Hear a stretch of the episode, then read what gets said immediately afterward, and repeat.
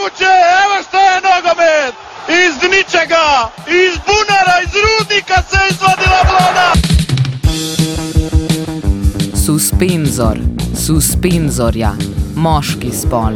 Priprava za oporo poškodovanega ali obolelega visičega dela telesa. Suspenzor za modnik, tudi športni ščitnik za moda.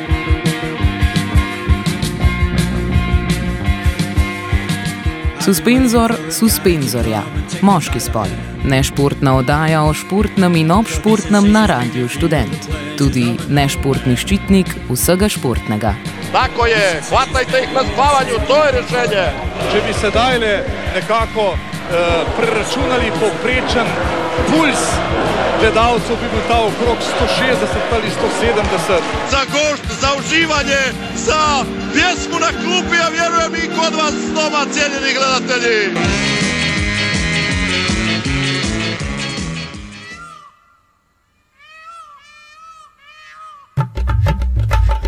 Pozdravljeni v še eni posebni izdaji Suspenzorja.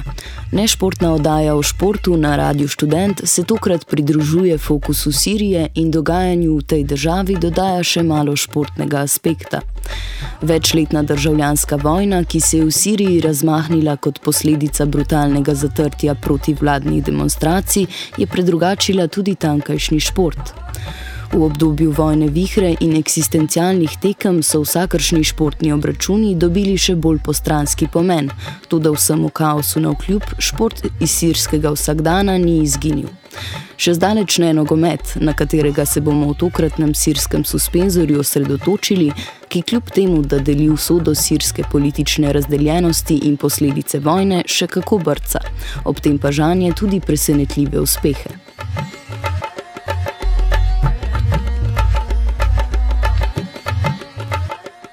Posledice vojnega dogajanja na šport in športnike v Siriji so v spektr širše javnosti prišle v začetku septembra na dokaj nenavaden, a za zahodno zrenje sirske situacije dokaj simptomatičen način.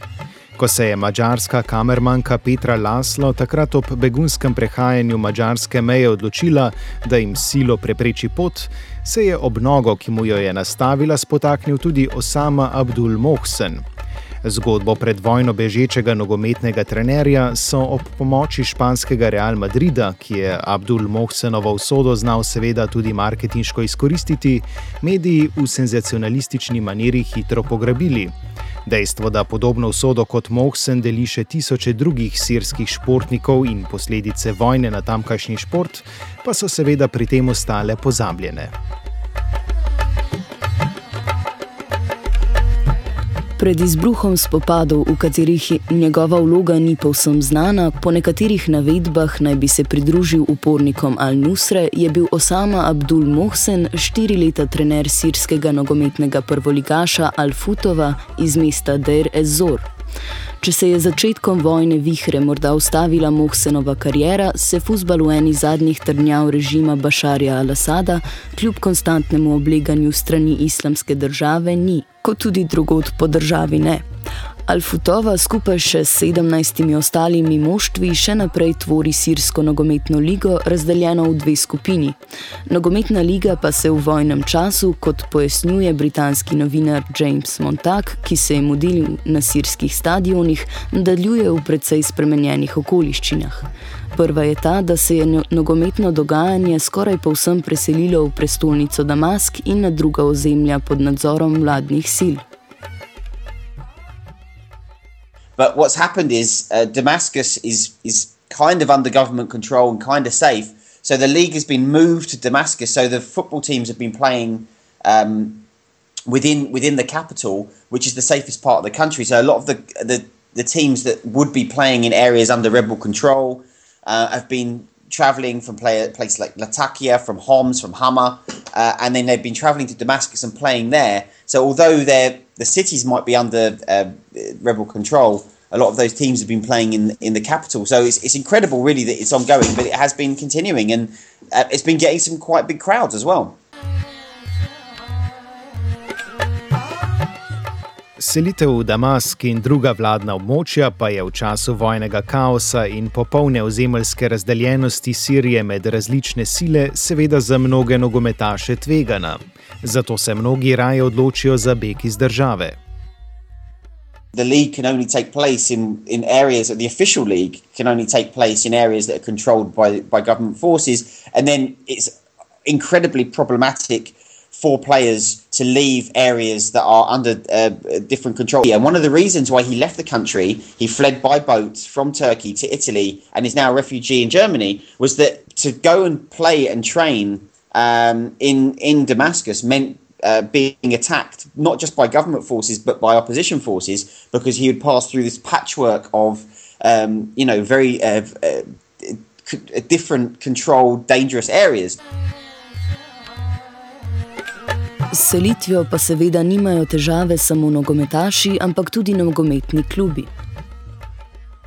Lots of clubs, are, it's, it's absolutely impossible for them to move. I mean, if they're under ISIS control, of course, um, then they cannot they cannot go there. So a lot of clubs have have uh, folded, have gone out of business. I mean, the, the league is a lot smaller now. Uh, you find with a lot of leagues, especially when they're uh, undergoing during the Arab Spring, especially in Egypt, you know that they would they would not be a long league. It would be a, it would be a smaller league split into two uh, leagues, you know, mini leagues in a way, with then the top two playing in a in a kind of playoff situation, which in itself I think shows uh, the difficulty in organising a league whilst the country is at war. Um, but yeah, that many clubs have gone out of business. But then you know what it's done, it's destroyed the, the most successful clubs who weren't from Damascus um, have seen their their legacy kind of destroyed and they are, like I said earlier, a shadow of their former self.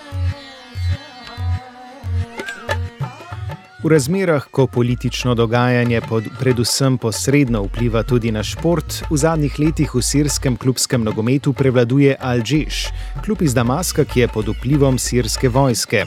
Gre za eno od dveh ključnih figur sirskega klubskega nogometa. You've got a lot of the teams have very uh, you know, very defined identities. I mean, the, the current champions are Al Jesh, which is the army team. It, mean, it literally means the army in Arabic. So, um, you know, what's happened in the past 15 years in, in Syrian football in particular, um, the Al Jesh were the most famous and uh, popular club, but that was because you had um, conscription. So the army would be able to take all the best teams, uh, players at the age of 15, 16 and say they're coming to the army now so they would fix the system so that the army would always win. Now, what's happened is that the um, uh, the Syrian Football Association uh, privatized the league, and so actually the, the big teams that uh, came in the next phase of development over the past ten years were teams like Al Karama, who come from come from Homs. Um, and so these were the most popular teams. So these had uh, these were strong, uh, you know, Sunni uh, had largely Sunni identities, Sunni religious identities in places like Hama and Homs and so these teams very much challenged the the challenged the, the the power of the army. Now, now these teams, which come from places which the government view as traitorous, um, they've been eviscerated, um, and so now these teams are shadows of their former selves. And as you'd expect, supporting them uh, in Damascus is a pretty problematic thing, but also um, in footballing terms, they're not doing so well as well. So it's no surprise that under the current uh, situation, Al Jesh has re-emerged as the most powerful country, uh, team in the country, and now they are um, they are champions again. So I think what we've seen in Syria is in the past, under the previous regime before uh, Bashar al-Assad, under his under his father, supporting Al Jesh was seen as supporting the nation, and not supporting Al Jesh was almost seen as a traitorous act. And I think it's returned to that that you have to uh, when Al Jesh won the league, you had all the players uh, you know, lined up and giving um, army salutes to the to the crowd that was there. So, in a way, kind of supporting Al Jesh and seeing their rise, I think, is, is showing how the army has reasserted its power in this very narrow area of uh, Syrian society that is still controlled by the Syrian government and by the army. Kot rečeno, je prvi tekmec režimskega Al-Džeša moštvo Al-Karama, ki prihaja iz uporniškega Homsa, njuno rivalstvo pa je občutiti tudi onkraj gole športne tekmovalnosti. Mnogi nogometaši Al-Karame zaradi nasprotovanja Asadovemu režimu nasprotujejo nastopanju v spremenjenem prvenstvu in selitvi na ozemlja pod vladnim nadzorom. Sam klub pa je v vojnih okoliščinah, ko je režim dobil ponovno močnejši vpliv tudi na nogomet, le še bleda senca preteklosti. The problem is that it's because there isn't um, because the government in government controlled areas is very uh, very difficult to show any kind of opposition. Um, that you do have Al Karama because they come from Homs because uh, this is the former champions um, who benefited most from the FA, the Syrian FA, before the before the kind of 2011 2012 uh, uprising. Um, you you know, you had Al Karama were a kind of bulwark against the against the government regime. You know, it was they took on the power of the army, they took on the power of the regime, and were champions and got to the final of the Asian Champions League in 2006 2007. So there there were those teams, but now they have effectively been neutered. They exist, but they are they are now a shadow of their former selves. And to play in that league, and to play for the national teams, and to play for those uh, in in this in this competition um, it's impossible to fly that flag in the same way that they did before. Now they're they're they're almost a shadow of their former selves, and it and it and it is and it is very sad. And that's why um, hundreds of footballers have chosen to leave Syria. Um, and, and either represent the Free Syrian Army national team or go and play or go and play in leagues in, in Lebanon and in Kuwait and refuse to play for any national team um, whilst Bashar al-Assad is there. Um, that's why they've done that because it is impossible you know, and it's to play for those teams in a kind of meaningful way. Rivalstvo med Alžešom in Al-Karamo pa ni imelo tako močnega vpliva na politično dogajanje kot denimo v Egiptu, kjer so navijači proti režimskih nogometnih klubov odigrali precej pomembno vlogo pri spodnašanju voditelja Hosnija Mubaraka in egiptovske vojske. tudi zato, ker je bil v Siriji protivladni upor hitro nasilno zatrt in je prerasel v državljansko vojno. What happened there was that you had uh, ultras of football groups um, had developed a, a very strong mechanism to be able to uh, fight the police and the army on the streets. So when the revolution came, um, lots of the football fans for Al Ahly and, and Zamalek, for instance, became a very integral part of the of the revolution. Now, I don't think this has been the same in Syria, where um, any kind of opposition was much more effectively crushed uh, before the revolution. And what what actually happened, what was different with Syria than say Egypt, is that it had become um, what had become more important were individual players and what they did and how they uh, opposed the regime. So you had. Um, Abdul Basit Al Sarout, for instance, who was the under 20 goalkeeper, who, if you've seen the documentary, The Singing Goalkeeper, uh, uh, sorry, uh, Return to Homs, um, he, The Singing Goalkeeper of Homs, it's a documentary basically about him, who was uh, an international footballer who became a kind of figurehead for the revolution um, in Homs and who is now seen as a, as a traitor and is seen as an enemy of the state, and he's had many um, different attempts on his life by the regime.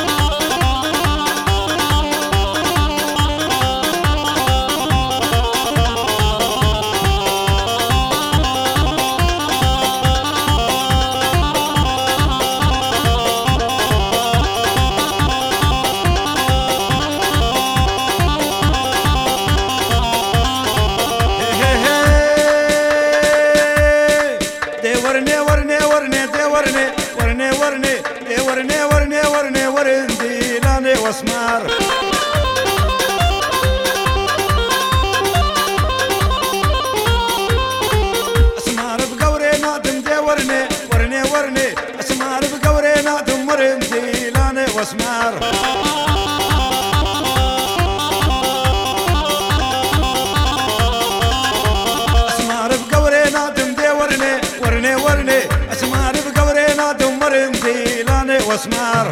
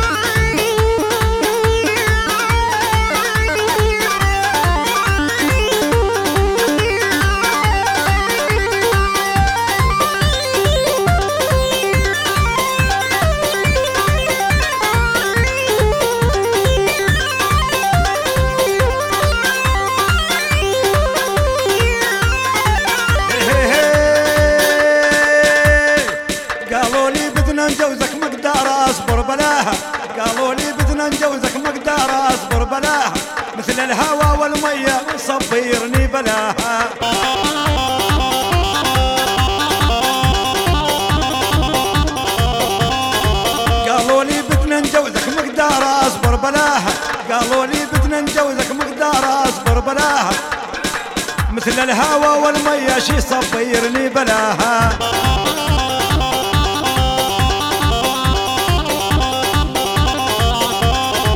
قالوا لي بدنا نجوزك شي صبيرني بلاها. قالوا لي بدنا نجوزك شي صبيرني بلاها.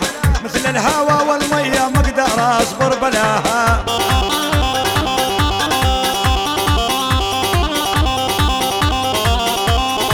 دي ورني ورني ورني ورني ورني.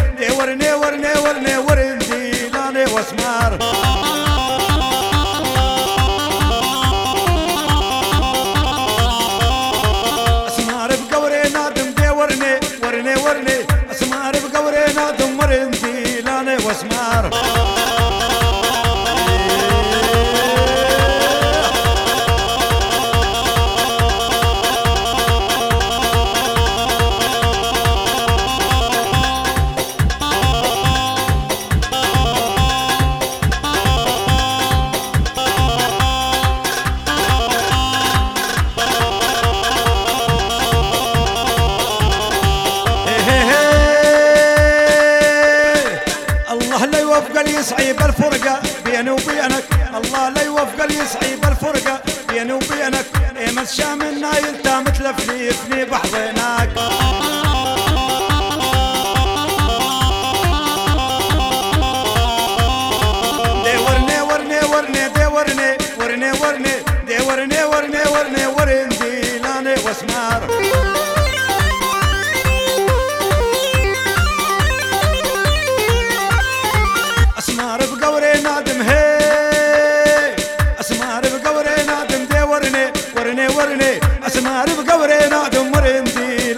asmar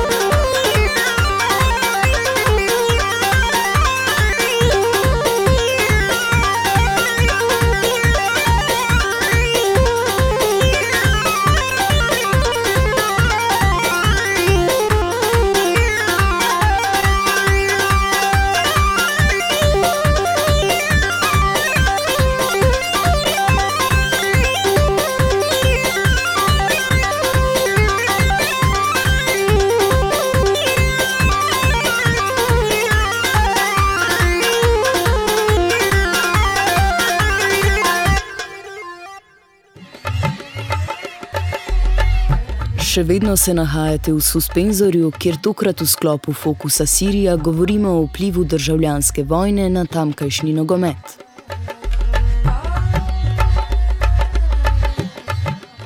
Protirežimska drža nogometašev, o kateri smo govorili pred glasbenim premorom, se na individualni ravni kaže tudi tako, da so se mnogi odrekli nastopanju za državno reprezentanco in usporedno osnovali novo. Many people don't want to be involved either with the National League or the national team. Uh, because it shows that there is support for Bashar al-Assad. So you have um, the Syrian Free Army um, has uh, has set up its own national team uh, which um, operates outside. I mean, it's not recognised by FIFA, it's not recognised by any international body, but they have set up a kind of uh, a, a, national team, you know, a free Syrian national team, which is which is kind of crazy. And then you, on top of that, you have over 200 players that have left the country that refuse to play for the Syrian national team or refuse to play for Syrian teams. Um, and you know, you, you, you have in particular, the former Syrian captain, who was the captain at the 2011 um, Asian Games, uh, Asian Cup, sorry, who is now playing in uh, Kuwait. Uh, he refuses to play for the Syrian national team. So you have, you know, if Syria is a patchwork of countries, you also have a patchwork of national teams and a patchwork of, of, of players who refuse to play for uh, for the, the official Syrian team. Yet there are other teams where they can go. Naš sogovornik James Montag ob tem poudarja, da se na Bližnjem in Srednjem vzhodu družbena stvarnost skozi futbol reflektira precej bolj pozitivno kot denimo v arabskem svetu ali Evropi. Kot primer navrže Jordanijo. I mean, you look at Jordan. In Jordan, you see um, how the big difference in Jordanian society, the big issue that nobody wants to talk about, is is the fact that you have a majority Palestinian population and a minority kind of Hashemite uh, indigenous population, if you will. I mean, Jordan, Jordan, is a country that obviously was uh, created in the 20th century and didn't exist before then. Um, but the, the, only place you ever see that is when you see these two teams, Al Wahdat, that represents the Palestinians, and uh, Al Faisali, that represents the kind of Hashemite Jordanians, play.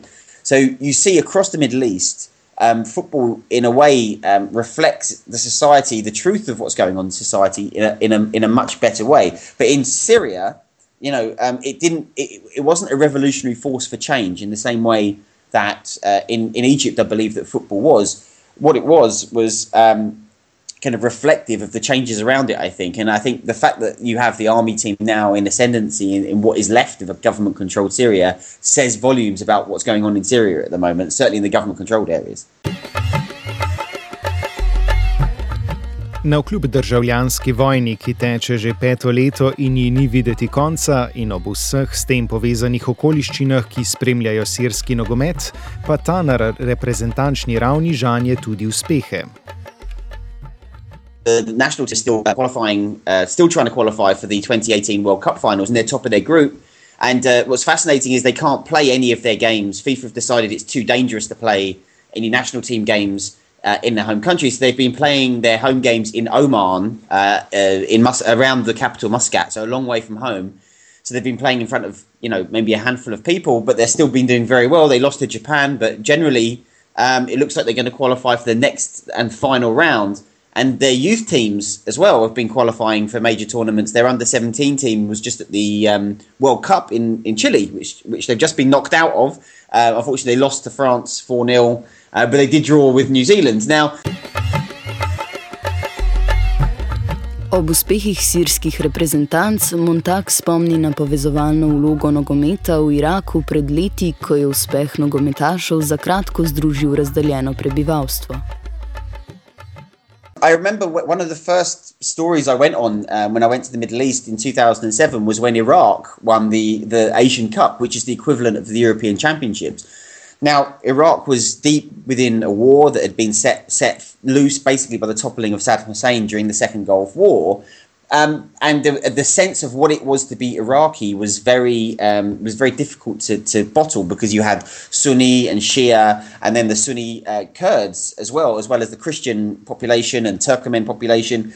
You know, uh, but what the, the the victory in 2007 did was it it did create a kind of rally around the flag effect because you, this was a multi-ethnic, multi-sectarian team, and people remembered what it was to be Iraqi. I think it had an important psychological effect. Now, Syria, with its team, uh, which again is multi sectarian, multi religious, um, I don't think it ha- will have the same effect. Although it's being very successful, um, many of the players that have stayed have said we're we're playing not for the government but playing for the people, for the Syrian people. We want to reflect um, the strength of the Syrian people on the international stage.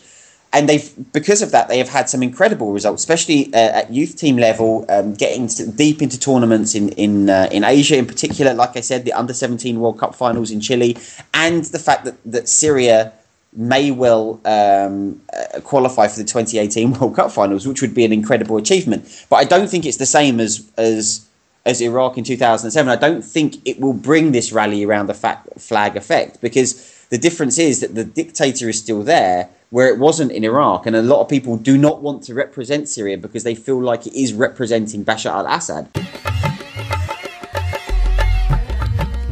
Sirska nogometna situacija, po mnenju našega sogovornika, še bolj spominja na libijsko izpred let.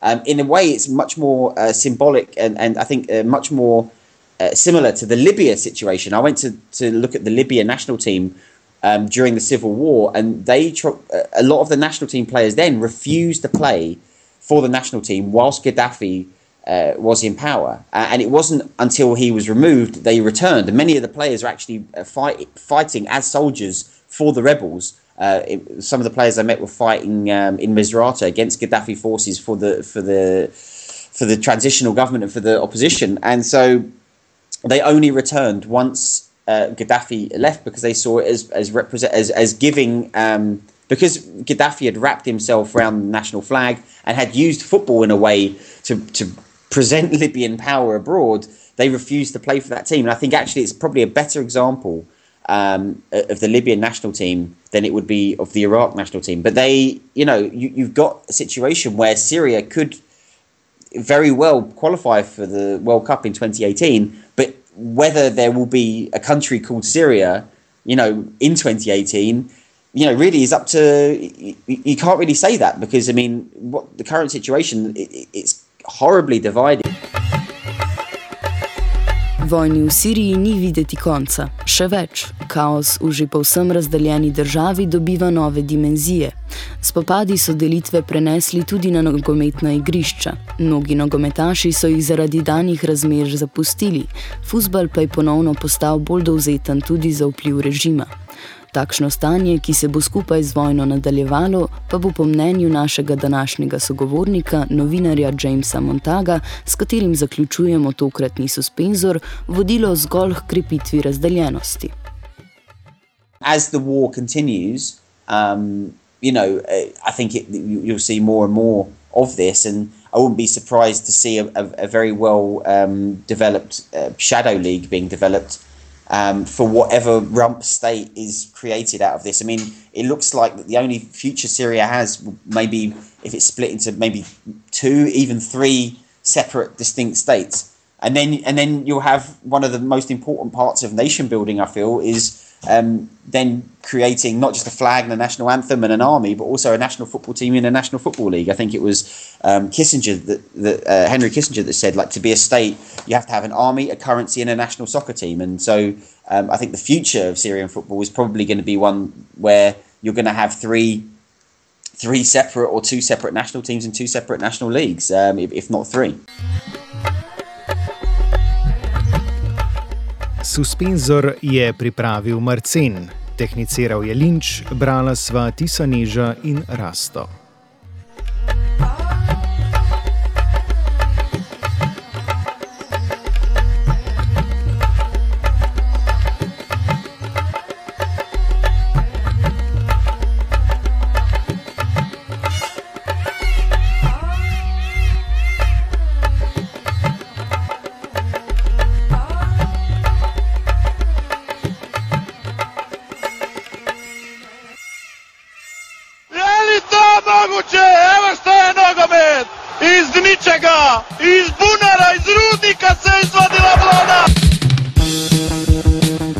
Suspenzor, suspenzorja, moški spol. priprava za oporo poškodovanega ali obolelega visičega dela telesa, suspenzor za modnik, tudi športni ščitnik za moda.